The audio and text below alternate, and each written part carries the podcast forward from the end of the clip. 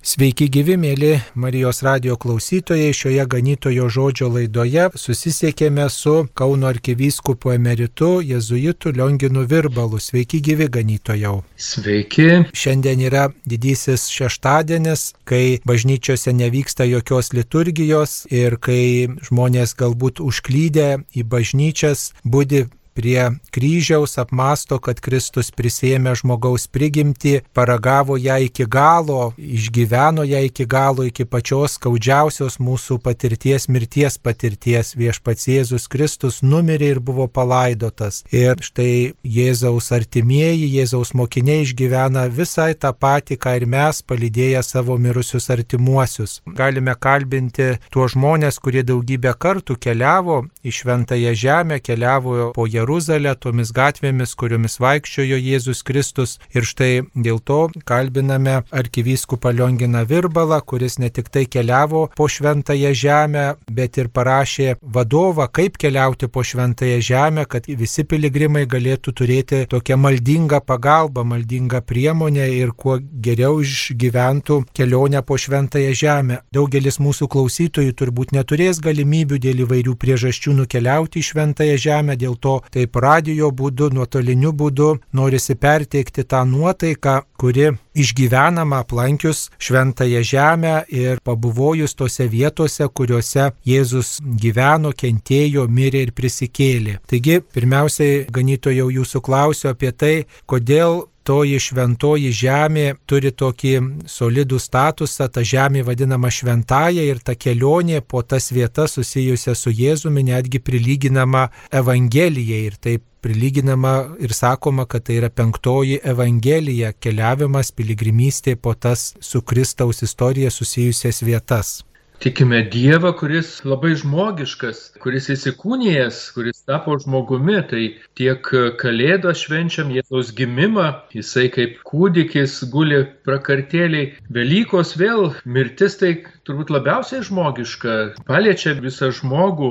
Na tai jisai, jeigu ir tapo žmogumi, gyveno, tai gyveno konkrečioj šaly, konkrečiu laiku, tam tikroj tautoj, Palestinoje dabar sakom, na, tenai jisai ir mokė, subūrė apaštalus, ten buvo prikaltas prie kryžiaus ir mirė, ten prisikėlė, iš tiesų pažindami tą žemę, tą aplinką, papročius, kaip žmonės ten gyveno, kaip keliaudavo, ką valgė, kaip šventė, ką dirbo, tai geriau pažįstam ir patį Jėzų. Iš tiesų labiausiai be abejo mums pristato Jėzų mes geriausiai pažįstam tai dėka užrašytų Evangelijų. Žinom, yra pagal Matą, pagal Morkų, pagal Luką, pagal Joną.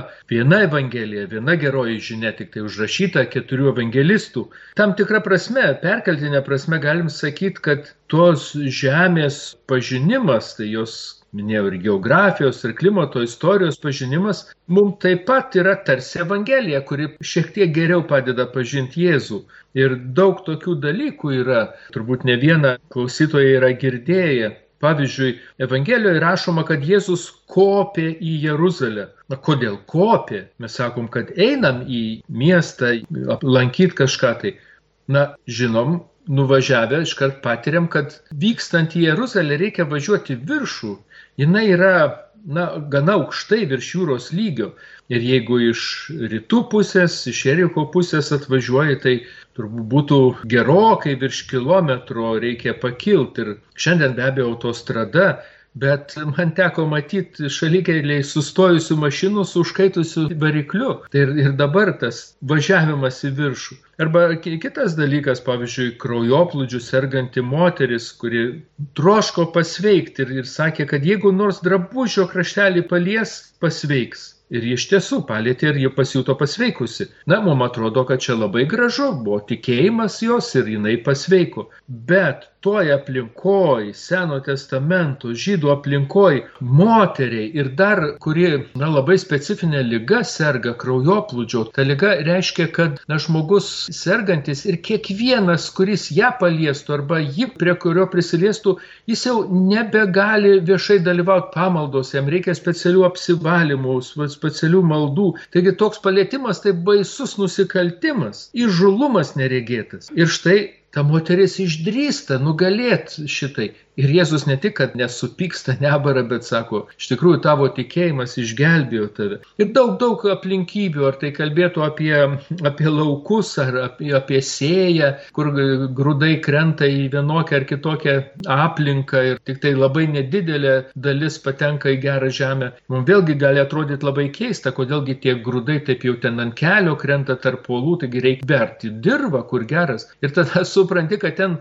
tais laikais buvo nedideli žemės lopinėliai dirbami, nes uolos, nes nelygus reljefas, nes čia pat auga kažkokie krūmai, čia pat kelias. Tai visa tas labai suprantama. Tai tokio ir tiek pats paties Jėzaus gyvenimas, tiek ir jo pamokymai, jo palyginimai atsiskleidžia daug ir geriau, bet kitą kartą ir tikrai daug giliau mes juos galim suprasti, pažindami ir tą žemę, jos aplinką, jos istoriją. Ir todėl ir vadinam, kad tai yra tarsi būtų penktoji evangelija, kuri pasakotų apie Jėzų. Turbūt norint tą penktą evangeliją perskaityti, reikia gerai įsiskaityti į tas keturias evangelijas, kurios užrašytos. Ir tokia didžiausia, turbūt ir ščiausi tie išgyvenimai, didžiausia skalė visų religinių išgyvenimų turbūt vyksta Jeruzalėje, į kurią plūsta piligrimai iš įvairių kraštų ir turbūt tai yra seniausia piligrimystės vieta krikščionėms. Kodėl taip brangina krikščionės Jeruzalę. Ne tik krikščionys, Jeruzalė brangi trijų religijų išpažinėjam, yra šventas miestas jiems, tai tiek judėjams nuo Davido laikų, tai Izraelio valstybės sostinė, tai Saliamono pastatyta šventikla ten, tiesa dabar jos nebėra, na, kažkiek tai griuvėsiai ir toje vietoje jau musulmonų šventiklos, bet anuomet tai buvo ta šventikla, ta vienintelė vieta, kur galėjo aukomis Dievą garbinti. Ir ta Izraelė izraelitų toks pajutimas, kad tiesiog tarsi pats Dievas neregimai gyventų toje šventykloje. Aišku, kad jinai buvo ir sugriauta, ir vėl atstatyta Jėzaus laikais jau ir pagal įstatymą tris kartus metuose vyrai turėjo ateiti ir per šventes į šią šventyklą. Ir tai ne tik tai tie, kurie netoli gyveno, bet ir kurie tikrai atstumas buvo gana ženklus, tai pavyzdžiui iš Galilėjos tai šimtas kilometrų ir daugiau ir dažniausiai eidavo pėsčiomis.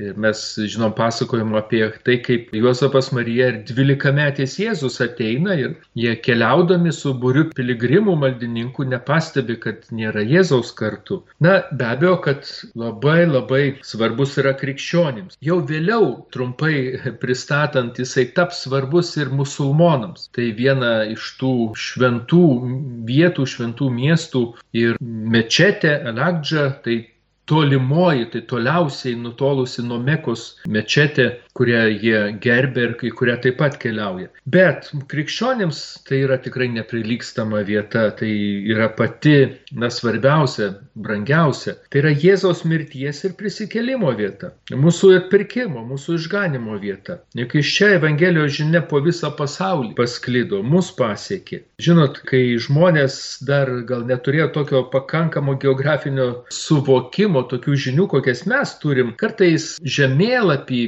pieždavo, vaizduodavo žemynus labai įdomiai, tarsi tokį trilapį gėlės žiedą, kur centre yra Jeruzalė, o tie žiedlapiai tai žemynai - Europa, Azija, Afrika. Tai Jeruzalė iš tikrųjų yra, yra centre ir ją vyksta piligrimai. Turim senų, labai senų, iš ketvirto amžiaus aprašymų vienos tokios piligrimės Egerijos, kurie tikrai lankėsi beveik visose vietose ir jie prašo, kaip jos atrodo, kokios pamaldos vyksta, kaip meldžiasi. Tai toks, na, neprilykstamas žinių šaltinis apie to meto krikščionybę. Palestinoje. Na, be abejo, ir kitų piligrimų tais laikais nebuvo įprasta nebuvo lengva. Iš mūsų kraštų, be netoks garsiausias piligrimas senesnių laikų, tai Radvila Našlaitėlis, kuris 1582-84 metais keliavo ir taip pat yra aprašęs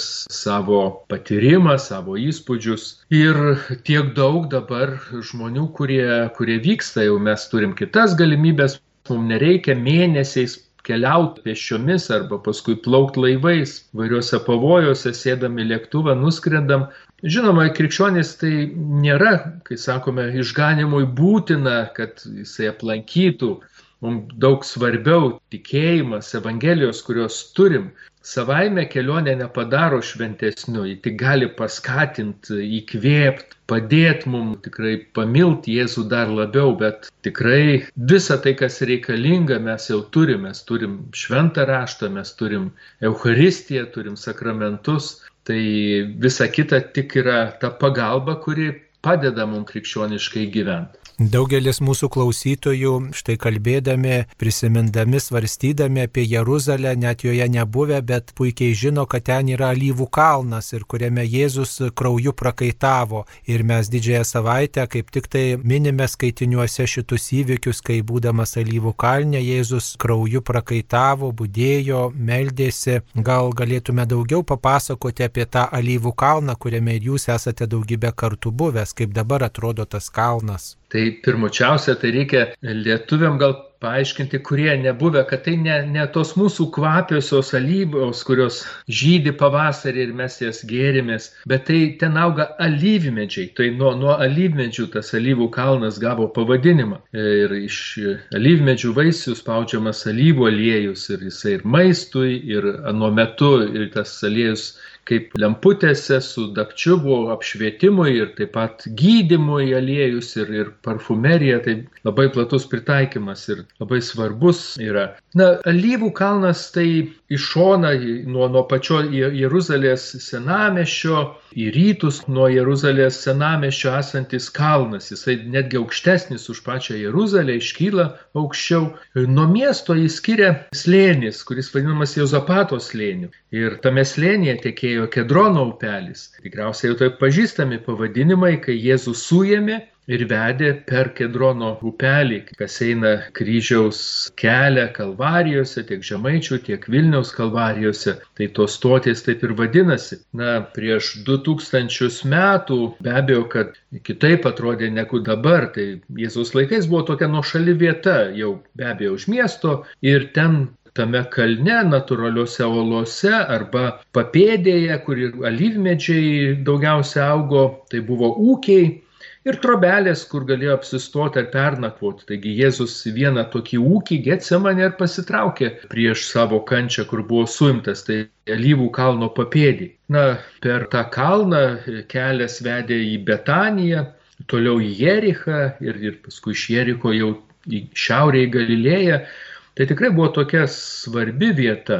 Vėlesniais amžiais, kai jau krikščionis galėjo viešai išpažinti savo tikėjimą, ant alyvų kalno buvo labai daug bažnyčių ir labai daug vienuolynų. Turbūt dešimtimis, sako, skaičiavo ten, kiek buvo pastatyta. Aišku, istorija dramatiška, kaip ir visos Jeruzalės, taigi ir sugriauta faktiškai viskas, kas ten buvo. Ir kai kas pastatyta, kai kas atstatyta dabar, yra nemažai svarbių vietų su alyvų kalnu susijusių.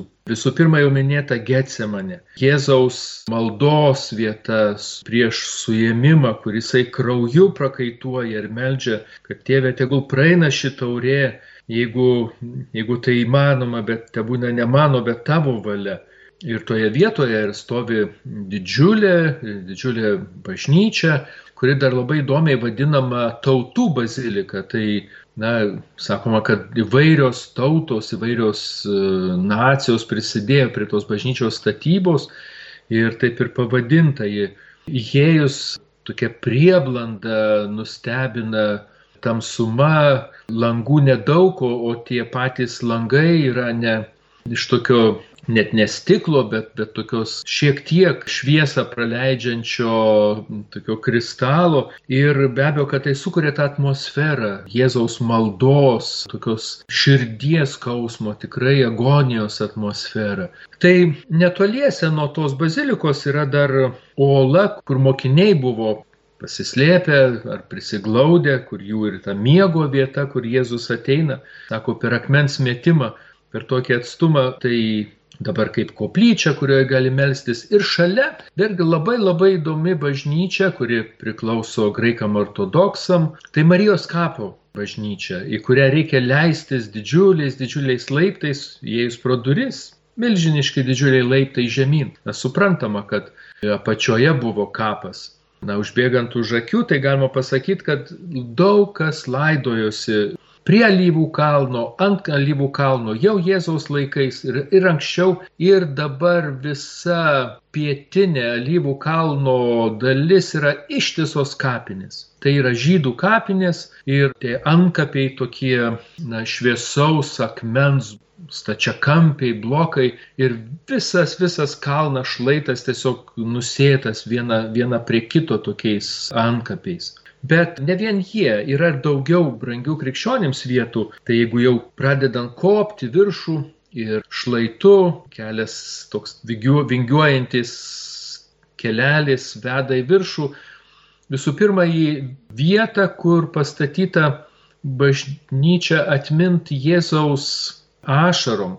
Kai jisai verkė, žiūrėjo į Jeruzalę ir verkė, sako, Jeruzalė taip norėjau priglaust tave, kaip višta surenka viščiukus ir, ir tu nenorėjai, tai žiūrėdamas į tai, kas dar ištiks tą miestą. Ir nedidelė koplytėlė, bet vėlgi toje vietoje, kur labai senai jau buvęs vienuolynas. Jeigu dar aukščiau, tai yra ir tėvė mūsų, taip vadinama bažnyčia, kur atminimui Jėzaus, kuris išmokė paštalus melstis ir tėvė mūsų malda. Ir ten daugybė, daugybė kalbų, virš šimto kalbų yra tokios majolikinės plokštės, ant kurių užrašyta įvairiomis kalbomis ta tėvė mūsų malda, taip pat ir lietuvių kalba. Jau pačioje bažnyčioje tokia tikrai gražioje geroje vietoje. Yra ir e, alyvų kalnas susijęs su Jėzaus žengimu į dangų. Na, čia jau liūdnesnė istorija, ta bažnyčia nebuvo atstatyta po sugriovimų ir dabar tie griuvėsiai, ta teritorija priklauso musulmonams šalia mečetė ir jie tik už mokestį tam tikrą leidžia įeiti ir į viduryje tų visų griuvėsių esančią nedidelę mažytę koplytėlę, kuri pastatyta Jėzaus žengimo į dangų vietoje. Taigi nemažas kalnas, daug visko yra. Primena tiek Jėzaus daugybę vietų, kur jisai nekartą ten lankėsi, buvo suimtas ir paskui įžengė į dangų. O dar tik reikėtų pasakyti, kad tie antkapiai, kodėl čia taip laidojama, taip čia pagal seną žydišką tradiciją, tam tikrą legendą, gal pasiremiant pranašo Joelio žodžiais, tai tikima, kad galbūt na, po prisikelimo tai bus ta vieta, kur vyks teismas ir, ir kiekvienas bus įvertintas pagal savo darbus. Tai kažkaip tai visi tą tokią reikšmę matydami tos vietos norėjo kad jie būtų palaidoti būtent šitoje vietoje. Taip ta tradicija išplito ir nemažai žmonių per, per tūkstantmečius ten buvo palaidota. Dar vienas dalykas tai kryžiaus kelio stotelės, kurios pažįstamos visiems besilankantiems bažnyčiose. Kiekvienoje bažnyčioje yra 14 kryžiaus kelio stočių ir jos jamžina tuos Kristaus kryžiaus kelio įvykius. O kaip pačio Jeruzalėje yra jamžintos Kristaus kryžiaus kelio stotelės. Ta tradicija įrengti kryžiaus kelią bažnyčiose, taip pat įvairiose vietovėse kilo kaip tik tai todėl, kad ne visi galėjo nuvykti šventąją žemę. Buvo laikotarpių, kai visai tiesiog negalėjo. Tai kad tą troškimą lankyti Jėzų, eiti tarsi lydėti į kryžiaus kelio kelyje savo pamaldumu, buvo kaip atsiliepta į tą troškimą, pradėjusi renkti kryžiaus kelio stotis. O Jeruzalė, na, turim žinot, kad miestas buvo daug, daug kartų sugriautas. Tie, kas nuvyksta, mato, kad ten, kur kažkokie kasinėjimai, yra padaryti, tai tas sluoksnis, vadinamas kultūrinis sluoksnis, dabartinis gatvių lygis ir senamešio ir tai, kas buvo prieš 2000 metų, tai gal keliolika metrų skiriasi. Reiškia, keliolika metrų giliau tos vietos yra negu kad dabar.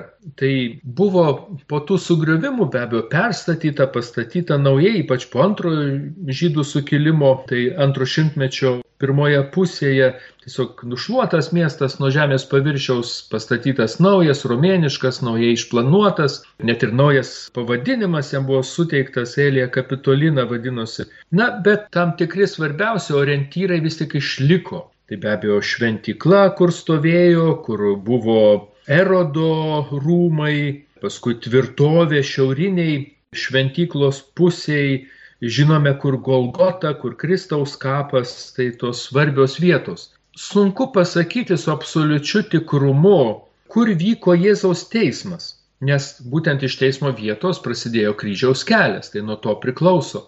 Kur yra Golgota puikiai žinom, bet kur prasidėjo? tai yra galimos dvi vietos, nes teisė Romos vietininkas ir jisai pastoviai negyvendavo Jeruzalėje, jis atvykdavo iš Cezarėjos, esančios prie jūros, ne taip toli, bet per šventes atvykdavo ir apsistodavo. Tai buvo dvi vietos, kuris galėjo apsistoti. Tai buvę Erodo rūmai prie vienų iš miesto vartų arba Antonijaus tvirtovė prie pat šventyklos. Na ir maždaug gal nuo 12 amžiaus vis tik tai nusistovėjo tradicija kryžiaus kelią pradėti būtent nuo čia, nuo tos buvusios Antonijos tvirtovės. Dabar tai senamestis yra krikščionių rajonas, o toliau einant jau yra, kur, kur gyvena musulmonai, nepanašu į mūsų miestus. Tai yra namas prie namo ištisa, nėra jokių, jokių tarpų. Gatvelės labai labai siauros, tiesiog na, nežinau, turbūt gal kokių trijų metrų pločio įvairuoja. Ir tai nėra tokia kaip gatvės, kur su šalygatviais galėtų eiti ir važiuojama dalis. Ne, ten visur tik tai pėsčiomis nėra važiuojama ir kai kyla šlaitas, reliefas nelygus, tai net ir laiptai. Tai ta gatvė eini, net reikia ir laiptais eiti. Taigi o šalia atidarytos durys ir tiesiog viena prie kitos ištisai parduotuvės, viską ten ir devocionalijas, ir, ir drabužius, ir, ir mėsą, ir ką tik tai nori pardavinėja toks grinai rytietiškas, arabiškas turgus. Ir štai eini kryžiaus kelią dabar apmastant tas vietas ir per šitą turgų. Labai neįprasta, labai būna žmonėm gal ir nelengva melstis, bet antra vertus tai turbūt primena labai gerai pirmąjį Jėzaus kryžiaus kelią, nes ir tuo metu jis ėjo per, per, per miestą ir ne visi buvo pamaldžiai nusiteikę, kiti abejingi, treti smerkė. Kryžiaus kelio stotys įvairiai, įvairiai pažymėtos, kai kurios tai yra tokios nedidelės koplytėlės, kaip nu, tam tikras kambarys arba didesnis pirmame aukšte iš, iš to gatvelės įeini ir, ir ten yra gal keletas suolų, altorėlis labai, labai nedidelį. Na, kitur tiesiog skaičius ant namo sienos arba bareljefas tiesiog labai įvairiai, o be abejo, kad nuo dešimtos stoties tai jau minima pačioje kapo, kapo bazilikoje. Dabar prie visų šitų stočių yra įrengtos tokios metalinės skydas su skaičiumi ženklinančiu tos stoties numerį ir apšvietimu. O grindinys irgi gražiai sutvarkytas, tokiu puslankiu, akmenys gražiai išdėlioti. Gal būtų, bus įdomu žinot, kad tai yra dėka lietuvių. Žinom, Kazitskų šeima, verslininko iš, iš Amerikos, jau dabar miręs, bet šeima, jo, jo vaikai gyvi. Jisai man pats dar pasakojo, kad kažkada nuvykęs į Jeruzalę buvo nustebęs, kad taip tos kryžiaus kelio stotis nelabai ne, ne sutvarkytos, ne, ne, netvarkinga ten Ir jisai, kadangi tikrai buvo stambus verslininkas ir turėjo iš ko, jisai finansavo, gal ir šiek tiek ir su kitais, tą sutvarkymą kryžiaus kelio stočių. Tai dabar einant kryžiaus kelio stotis Jeruzalėje irgi mus lydi tam tikras lietuviškas akcentas dėka žmonių, kurie pasirūpino, kad būtų gražiau sutvarkyta ir, ir kilniau atrodytų. Kas lankėsi Jeruzalėje ir apėjo kryžiaus kelią, jį užbaigė Kristaus kapo bazilikoje, tačiau toje Kristaus kapo bazilikoje yra ir kitos Kristaus kančios vietos, kurias aplanko ir apmasto piligrimai, vadovaujami pranciškonų. Gal galėtumėte ir apie tai papasakoti, apie tas kitas Kristaus kančios vietas, likusias įamžintas bazilikoje. Na, jei simboliškai Jeruzalė yra pasaulio centras, tai Kristaus kapo ir prisikėlimo bazilika yra Jeruzalės centras krikščionims. Dabartinis pastatas yra iš kryžiaus karų laikotarpio, taigi maždaug prieš 800 metų statytas, žinoma, patyrė daug perstatymų, bet visiems krikščionims be galo brangus. Tai bažnyčia, kuri apima dvi svarbiausias vietas - Jėzaus nukryžiavimo ir jo kapo, kuris buvo visai netoli nuo nukryžiavimo vietos. Ir be abejo, kapas tai yra ta vieta, iš kur Jėzus prisikėlė. Taigi galim tikrai pagristai vadinti, kad tai yra Kristaus kapo ir prisikėlimo bazilika. Įvairios vietos susiję, jau minėjau, kad tai yra ir kryžiaus kelio paskutinės stotis, tai jo išvilkimas iš drabužių, jo drabužių nuplėšimas nuo jo ir prikalimas prie kryžiaus ir be abejo pati pati vieta, nukryžiavimo vieta, bet čia jis buvo nuimtas, yra vėlgi akmuo, kuris primena Jėzaus kūno sutepimą, patepimą prieš laidojant tą vietą, kuris buvo paguldytas į kapą, vėlgi dabar kaip atskira koplyčia. Na, tai čia ir prisikėlimo vieta, kur Jėzus prisikėlęs ir pasirodė ir, ir Marija Magdalietė sutiko.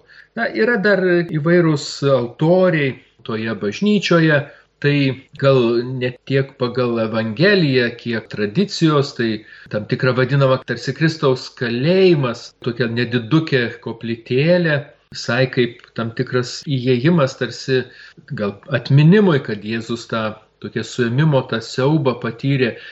Yra kitame altoriuje kolonos tam tikra dalis, kuri, kaip sakoma, kad Jėzus buvo plakamas prie tos kolonos. Dar vienas altorius Jėzaus patyčių, prisimenant pasityčiojimą iš Jėzaus tiek prieš jiem nukryžiuojant, tiek ir žmonių, kurie matė jį nukryžiuotą ir, ir sakė, nuženk nuo kryžiaus, kad tave tikėtumėm.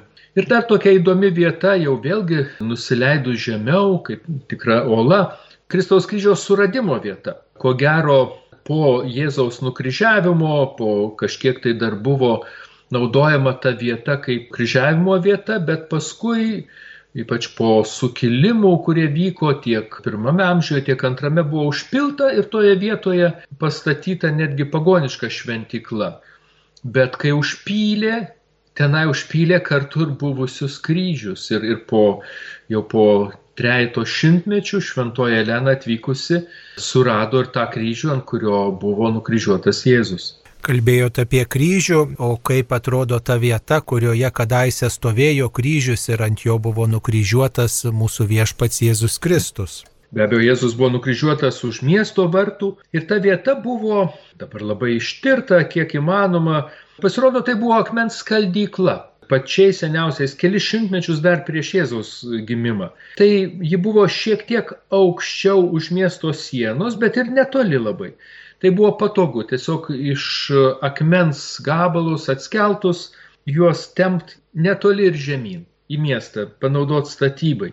Ir toj akmens skaldykloje arba toj, kur imdavo medžiagą statyti namams Jeruzalės Matyt, tam tikra vieta, kur buvo ar trapesnė uoliena, ar suskilusi ir išliko kaip tam tikra kalvelė. Tai jinai ir buvo naudojama bausmėm vykdyti, nukryžiuoti. Ji buvo šalia kelio, taigi buvo labai tokia taikoma ir tam, kad atgrasytų kitus nuo, nuo nusikaltimų, nes visiems buvo matoma.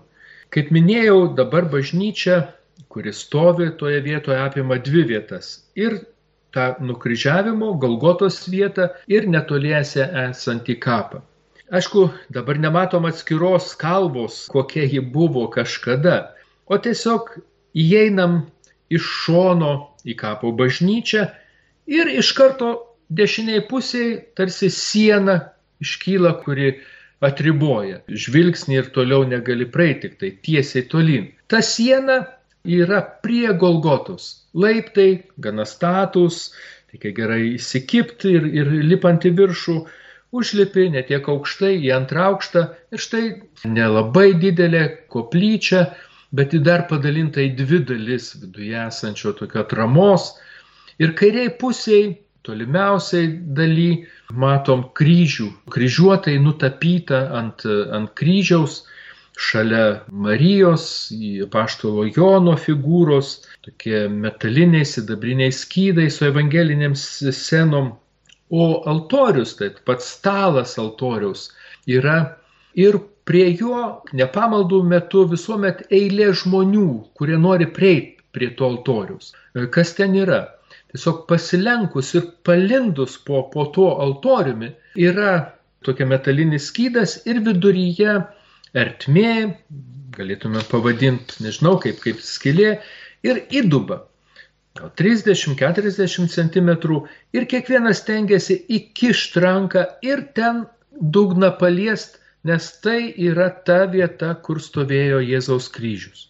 Taigi brangi vieta ir ypatingai piligrimų na, mėgstama ir kur kiekvienas nori atvykęs būtent prisilies prie tos vietos. Pati Golgotos uoliena, uola, kuri buvo natūrali, ją galima matyti. Šalia to altoriaus, po stiklu be abejo, kad ne, gal iš pamaldumo žmonės ne, neimtų ten skaldyti ir kažkokiu gabaliuku parsivežti. Kitoje vietoje irgi matosi stiklų uždengta. Aišku, rytietiškų stiliumi tas altorius priklauso graikams ortodoksams, galima uždegti žvakutę, mažos žvakutės, kurios susmaikstomos į smėlį, paprastai vienuolis stovi ir prižiūri ten. Iš viršui skliautas ištapytas Evangelijos įvairiom paveikslais, senom ir daugybė, daugybė liejinių lempelių, ir didesnių, ir mažesnių, kurios kabo nuo, nuo skliauto, nuo lubų nukarę. Taigi tikrai ta, ta tokia ypatinga aplinka. Dešinė koplyčios dalis priklauso katalikams ir mozaika priekė vaizduoja Jėzaus kalimą prie kryžiaus. Ir ten jau rytais vyksta šventosios mišios ir gali melstis. Kas nebuvo Jeruzalėje ir nematė kapo bažnyčios, Na, reikia priminti, kad įvairiems, kaip minėjau, kad įvairiems krikščionims, įvairioms bažnyčioms brangi vieta. Deja, esam susiskaldę, esam ne vieningi krikščionys, yra ir katalikai, ir ortodoksai, ir įvairios rytų kitos bažnyčios, kaip armenai, koptai, etiopai, sirai.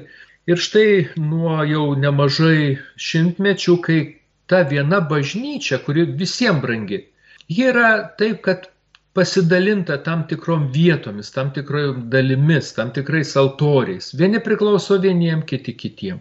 Todėl nenostabu, kaip minėjau, dalis Golgotos koplyčios graikam ortodoksam, kita dalis katalikam. XIX amžiaus viduryje buvo nustatytos labai griežtos taisyklės, kas kam priklauso, o taip pat ir net valandos nustatytos, kuriomis kokios pamaldos gali vykti, kaip šventė švenčiamos, tai tiesiog tos taisyklės įneša aiškumą, kad netek, nereikėtų ginčytis, nereikėtų pyktis, tai toks sugyvenimo tam tikras būdas.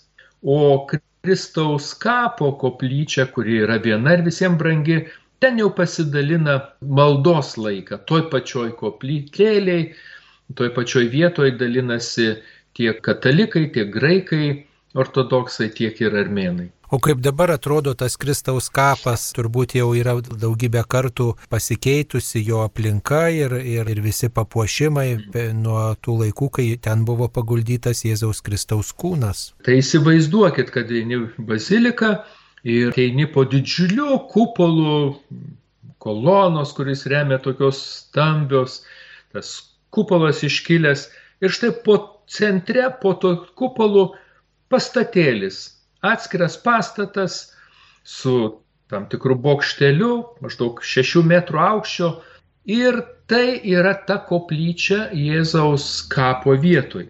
Niekas nematė Jėzaus prisikelimo be abejo, bet galim sakyti, kad tas vienintelis kapas yra neišliko toks, koks buvo, nes kapas, kuriame paguldė Jėzų, tai buvo rusys, iškaltas uoloje, sienoje, tiesiog uolos, kaip ir daugelis kitų, tam tikras tarsi prieškambaris ir toliau ta dalis, kur paguldydavo kūną. Ketvirtame amžiuje statant atminimo šventovę toj vietoj, uola buvo aptašyta iš visų pusių. Tiesiog iš, iš sakykime, iš tos priešingos įėjimo į pusės ji buvo nutašyta ir atsidūrė staiga vidury erdvėjai. Tai taip, kad buvo pastatyta apvali šventovė atminimui toje vietoje. Žinoma, mes dabar labai brangu, kas originalu, kad kaip atrodė būtent tuo metu, kuo labiau autentiška. Na, anuomet kitas supratimas buvo, suvokimas, norėjusi, kad kuo iškilmingiau, kuo labiau pagerbent ir tiesiog taip ir, taip ir buvo padaryta. Na, nukentėjo ta vieta nemažai ir vėlesniais amžiais. Dabartinis tas pastatas bazilikos tos bažnyčios viduje po to kupolu, ta koplytėlė, tai yra iš XIX amžiaus pradžios po gaisro buvo perstatyta ir liko iki pat mūsų, mūsų dienų. Visai nesenai prieš penkerius metus buvo atlikti dideli restauravimo darbai, nes tas pastatėlis jis visas jau griuvo, buvo su, suvaržytas metaliniam sijom, subirintom, kad jisai ne, ne, nesugriūtų visas aprūkęs. Na ir reikėjo, kad susitartų įvairios konfesijos, tai ir katalikai, ortodoksai ir armenai, dėl to kas darys tą restauraciją, kas vykdys, kas, kaip tas bus daroma, kada, kokiom valandom ir kokiom laiku. Na, visa tai buvo sutarta, nebuvo lengva ir atlikti tikrai labai svarbus, labai brangus, reikalingi darbai. Ir tai brangu ne tik todėl, kad buvo sutvirtinta ir nuvalyta, dabar gražiai atrodo, tiesiog tikrai šviečia, bet ir buvo padaryti tyrimai, kurių dar na, niekad nebuvo daryta. Taip pat buvo atkelta marmurinė plokštė iš tos vietos, kur gulėjo Kristaus kūnas, nes tai, ką mes dabar matom, tai tik tai plokštė, kuri dengia. Bet buvo atkelta, remontuojant, restauruojant ir pasimatė ta uoliena, kuri buvo. Ir kas įdomu, kad joje iškaltas kryžius, kuris savo formą, tokia forma būdavo ketvirto amžiaus kryžiai kalami. Taigi tuo metu, kai pirmą kartą statė bažnyčią, toje vietoje jau ženklas yra krikščionių čia. Taip pat atrasta, kad sienose, kurios yra sumūrytos iš, iš marmuro, turbūt tos koplyčios sienos, viduje yra natūralios olienos. Ir gana nemažai iškylančios, net maždaug žmogaus ūgio.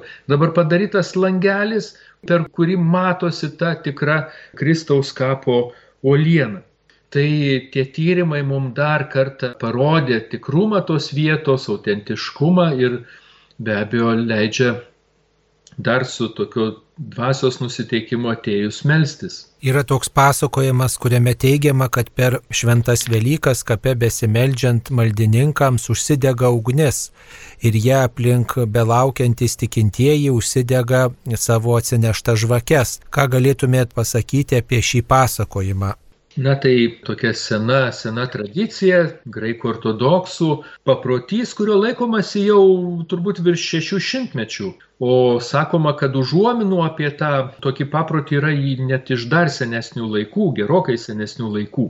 Tai būna taip, kad didįjį šeštadienį, tada kai ortodoksai švenčia Velykas, didįjį šven... šeštadienį rytą, ta Kristaus kapo koplytėlė būna patikrinama, kad ten ne, neliktų jokių degančių žvakių ar, ar degtukų, ar žieptuvėlių, ar skeltuvų, ar kažko tai tokio ir užanspauduojama. Ir tada jau prieš Velyknakčio pamaldas graikų ortodoksų Jeruzalės patriarchas, lydimas kunigų patarnautojų, prieina prie tos koplyčios su tokio žibintu, kuris dega per visus metus ir tas žibintas užgesinamas ir vienas tik tai patriarchas įžengia į vidų koplyčios ir ten meldžiasi. Ir po trumpos maldos žengia iš koplyčios jau su degančiu žibintu ir su tokiu žvakių ryšuliu irgi degančiu rankose. Ir be abejo, kad kyla didžiulė banga džiaugsmo, tokių ovacijų, šūksnių ir tada visi stengiasi užsidegti taip pat savo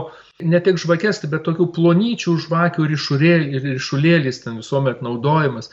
Tas žvakes užsidegti ir tiesiog viskas kaip liepsnų jūra paskesta. Na ir štai tokia tradicija kartojasi kiekvieną didįjį šeštadienį.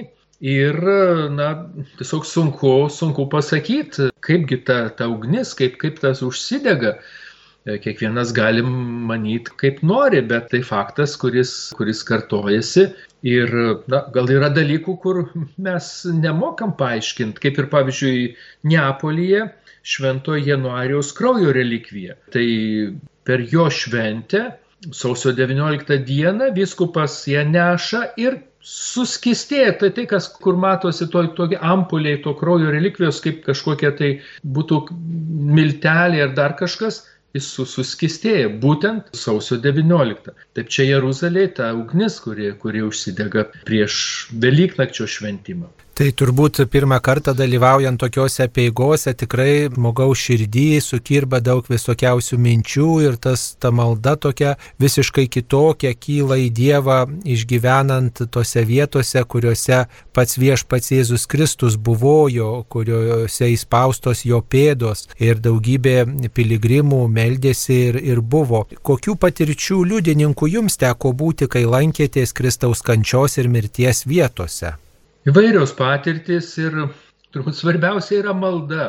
Žinote, lankytis Jeruzalėje ir Kristaus kapo prisikelimo bazilikoje tai nėra turizmas. Ten žiūrėti kaip turistui, na, nė, nėra nieko tokio labai labai įspūdingo, įdomaus. Tai yra maldos vieta.